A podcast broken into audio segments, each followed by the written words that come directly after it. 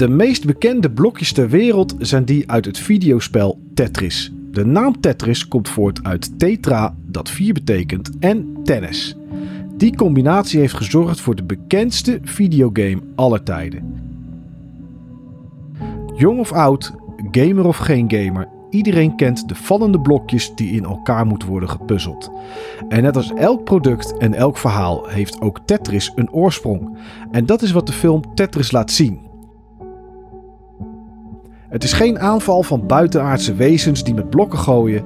Het is geen film over hoe een bijstandsgezin elke maand moet puzzelen met geld en daar het idee van de game vandaan haalde. Nee, het is gewoon een verhaal over hoe Tetris is ontstaan en hoe het communistische Rusland het heeft verlaten en de wereld heeft veroverd.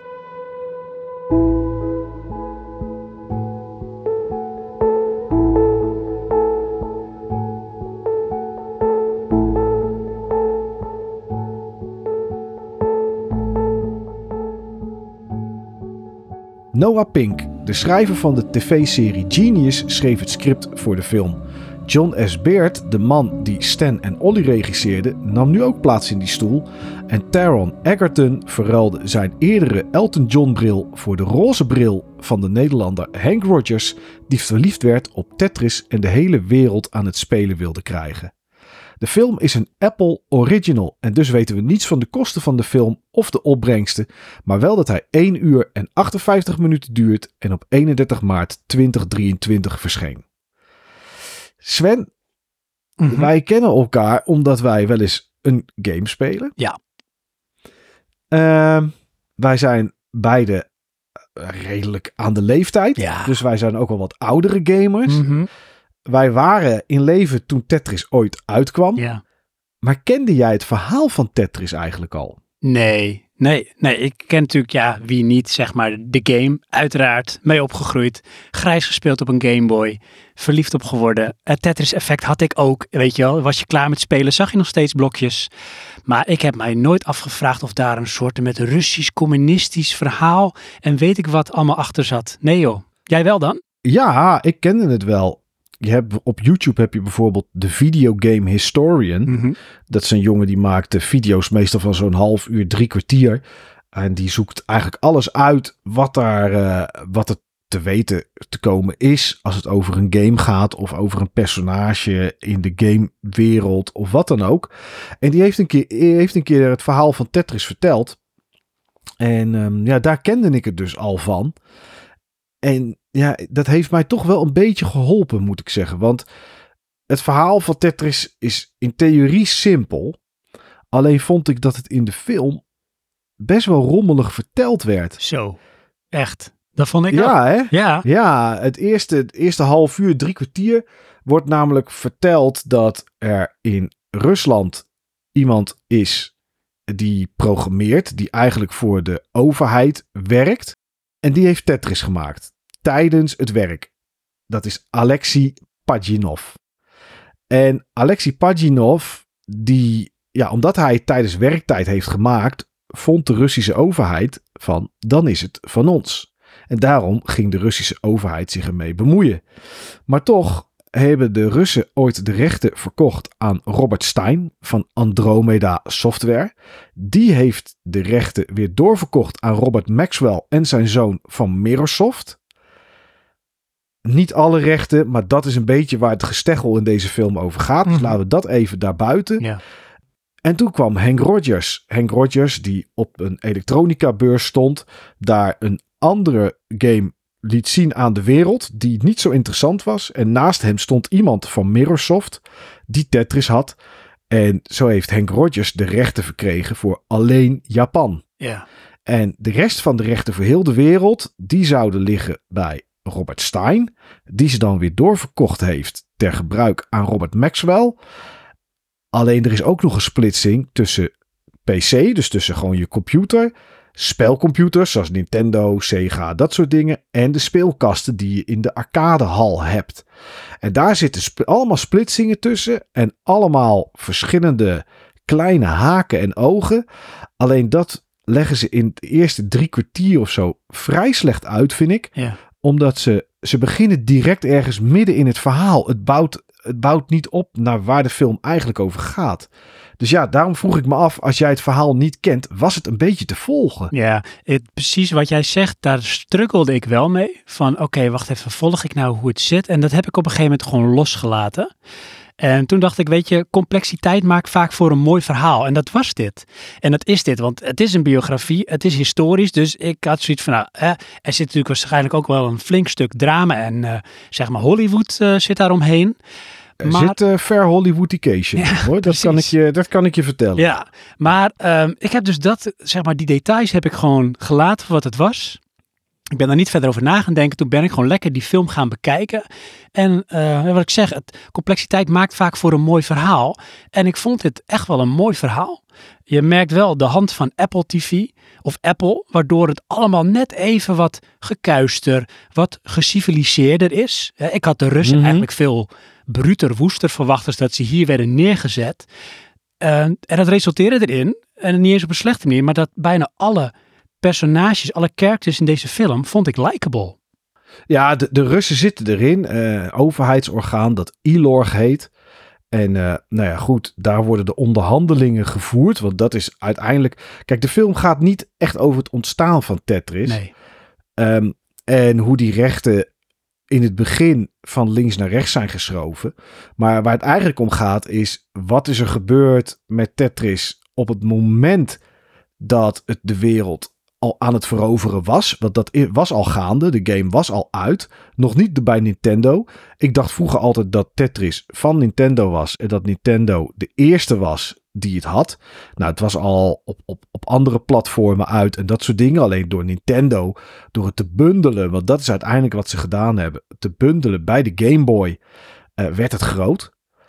Um, dus daar zit die Russische overheid in. En heb je nog de KGB. Die zijn wel iets minder vriendelijk. Ja, alleen dan nog wel op een, nou ja, een hele nette manier, moet ik zeggen. Er wordt niemand om zeep gebracht. Nee, of, of gemarteld, weet je, dat zit hier niet in. Uh, nee. Er is wel dreiging, zeker. Er uh, zijn sterke accenten, zeker. Uh, het is zeg maar het ijzeren gordijn, zeker. Dat vind ik ook heel tof gedaan, hoe dat allemaal in beeld is gebracht. Um, maar het is allemaal heel netjes, zeg maar. En wat je zegt, het, het gaat niet om Tetris, maar dan noem ik het toch maar even het Tetris-effect. Wat heeft het teweeggebracht, de schokgolf en hoe mensen daar al dan niet vanuit ideaal oogpunt, vanuit opportunisme, want al die zeg maar invalshoeken zijn er in deze film en die worden ook allemaal wel belicht en die worden ook vertegenwoordigd door één of meerdere personen, wat het ook nog interessanter maakt en zeg maar meerdere lagen geeft, um, maakt het leuk om te kijken. Ja, nee, dat is het ook zeker wel. Hè? Het is heel vermakelijk ondanks het rommelige begin. Ja. En um, ja, weet je, uiteindelijk gaat het inderdaad, nou ja, wat je net zei trouwens, over dat ijzeren gordijn en hè, dat dat erin zit. Zelfs wat je hier ziet aan um, hoe het, zeg maar, zou zijn gegaan volgens de film, is al wat overdreven en al iets zwaarder gemaakt. Yeah. Om, um, om, om, ja, om het iets interessanter te maken in de film. Tuurlijk, ja. Is, dat moet natuurlijk ook natuurlijk wel. Het moet allemaal een het beetje is, een spectaculair randje hebben. Tuurlijk, tuurlijk. Kijk, welke scènes, dat ga ik niet vertellen. Als je de film nog gaat kijken, ga je er dan op zitten letten. Dus dat is niet leuk. Maar de film is spannender gemaakt dan dat het in het echt was. Ja. Alleen het is wel heel vermakelijk om te zien hoe de strijd gaat over rechten van een product. En hoe erg er dan tussen de regeltjes doorgelezen wordt en gedaan wordt om te zeggen: ja, er staat hier wel computers of spelcomputers, maar gaat het dan ook om draagbare? Nee, dat dan niet, denken de Russen. Want ja, hey, er is blijkbaar een nieuwe categorie, daar kunnen wij geld aan verdienen.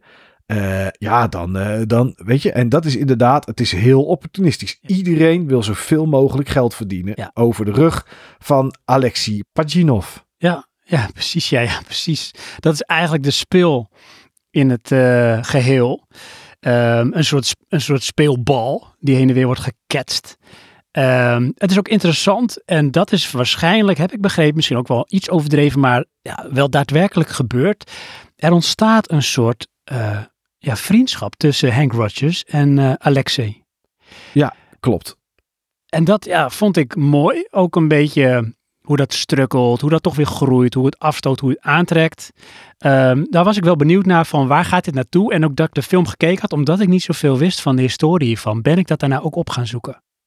Ja, ja, het is wel gebeurd inderdaad. Dus er is wel een vriendschap ontstaan. Maar toch had ik bij elke stap wel het gevoel, ja, Henky, Nederlandse Henky Rogers. Ja. Ehm, en dat vind ik dat toch ook wel weer grappig, zeg maar. Hè, dat er dan toch een Nederlander in de mix zit bij zoiets wat zo groot is geworden. Ja.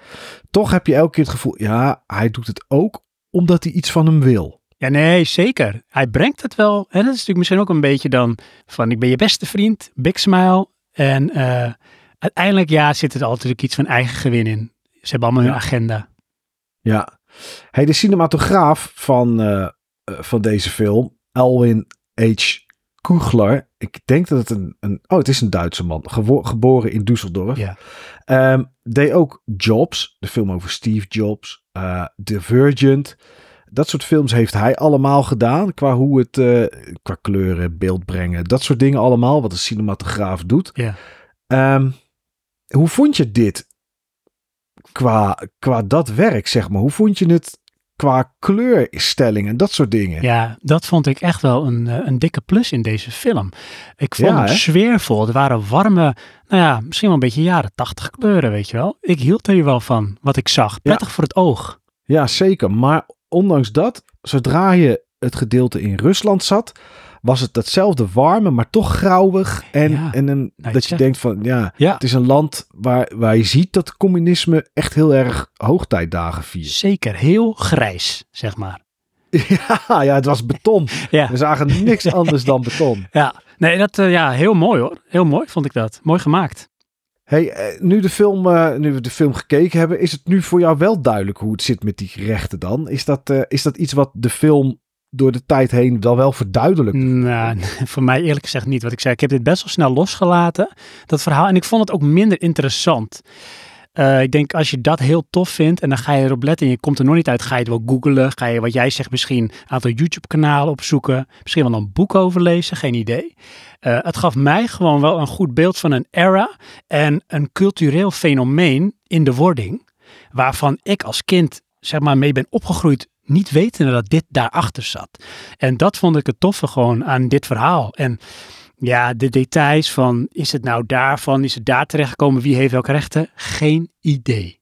Hmm, Oké, want het is natuurlijk wel, eh, eh, het is een beetje een historisch-achtige film. Dus ja, weet je, we hebben er meerdere besproken. Hè? We hebben bijvoorbeeld eh, Straight Outta Compton hebben we besproken. Lords of Chaos en laatst eh The Pass Outlaw. Ja. Allemaal films die natuurlijk ja, een verhaal vertellen van het is waar gebeurd. Ja, dit is natuurlijk ook waar gebeurd. Alleen ook hier zitten er wat dingetjes toegevoegd om het spannender te maken. Ja. Wederom, ehm, voor jou maakt niet zoveel uit als de film maar interessant is. Ja, ja het, eh, kijk, eh, de takeaways is gewoon van, eh, nou, eh, nou, soort eindgoed al goed. We weten allemaal zeg maar wel dat eh, Tetris nog te spelen is, dus het is niet ergens in Rusland verdwenen of zo. En er is tegenwoordig een Tetris Company Ja, waar eh, Alexi in zit. Dus ja, het eindgoed al goed. Dat Precies. sowieso. Kijk, en ook bij de PES Outlaw, ehm, ook bij Lords of Chaos, ehm, bij Straight Outta Compton. Het gaat bij mij eigenlijk, maar dat is misschien ook een persoonlijk iets hoor. Dus ik ben ook benieuwd hoe jij daar dan in staat. Maar voor mij gaat het vaak om eh, hoe een verhaal verteld wordt. Dus ik ben gewoon een zakker voor storytelling. Dus als iets mooi verteld wordt, dan kan het duizend dingen zeggen als het mij maar gewoon met één gevoel achterlaat. En dat deed deze film ook. Dus dan is het wat mij betreft geslaagd. Ja, ja, nou ja, voor mij is het in deze film en net zoals bij Air bijvoorbeeld, Ja, die zeker. we gekeken hebben. Ja, Ehm, ik vind het wel prettig dat als ik iets van de historie weet, dat dat in ieder geval klopt. ga je dat dan ook factchecken? Ga je dan nog eens kijken, zeg maar van, hé, hey, maar klopt dat wel? Ik heb toevallig voor deze film heb ik wel gekeken, omdat ik het verhaal wel ken, maar niet weet hoe zo'n Alexei Pagitinov erin zit, zeg Mhm. maar. Hè, wat zijn kant van het verhaal is, heb ik wel even gekeken of die scènes, hoe dat, of dat klopt. Nou goed, daardoor weet ik dat sommige dingen net iets mooier zijn gemaakt voor de film dan dat het in het echt gebeurd is. Ja. Ehm, maar met zo'n Lords of Chaos, ja, goed, toen had ik mijn zoon naast me zitten. Eh, nou, de Pass Outlaw, ik denk dat dat het beste voorbeeld is. Daar wist ik helemaal niets van af. En dan vind ik alles prima. Oké, ja, precies. Ja, ja, dan, is het, eh, dan maakt het mij niet zo heel veel uit wat daar, eh, wat daar voor de rest. Of het klopt of niet. eh, dan gaat het me om puur vermaak. Maar zodra ik er iets van weet, ja, vind ik het toch wel prettig als het klopt. En, maar is dit dan zeg maar voor jou, omdat je dan iets meer historie hebt hierbij, is het dan nog steeds een vermakelijke film? Een geslaagde film? Ja, ja, ja. Deze is vermakelijk en geslaagd. Ja hoor, zeker weten. Dit, dit kan ik zo nog een keer kijken. Ja. Sven. Ja. Jij vraagt mij altijd, als jij een film host, wat de tagline is van de film. Mhm. Ik doe daar niet aan mee. Maar ehm, ja, wij nemen vandaag op op precies een jaar na onze allereerste aflevering. Oh, serieus? Ja, Holy moly. Wauw. Het is, het is vandaag 1 augustus 2023 en onze allereerste uitzending kwam 1 augustus 2022 online. Wauw. Dus de filmblik bestaat een jaar. Gefeliciteerd Sven. jij ook gefeliciteerd. Wat een heugelijk nieuws. Ja, en toen dacht ik, laat ik nou dan eens één keertje aan Sven een tagline vragen. Dus Sven, wat is de tagline van Tetris? goed ik heb dit ook niet opgezocht. Ah, dan ga ik even denken. Dan is het ehm, It all comes together. Oh, goed bedacht zeg. Dank je. Ja, ja. Maar het is het natuurlijk Nee, niet. natuurlijk niet. De tagline voor Tetris is The game you couldn't put down. The story you couldn't make up. Oké. Ja, het is wel een, eh, een dappere poging hoor.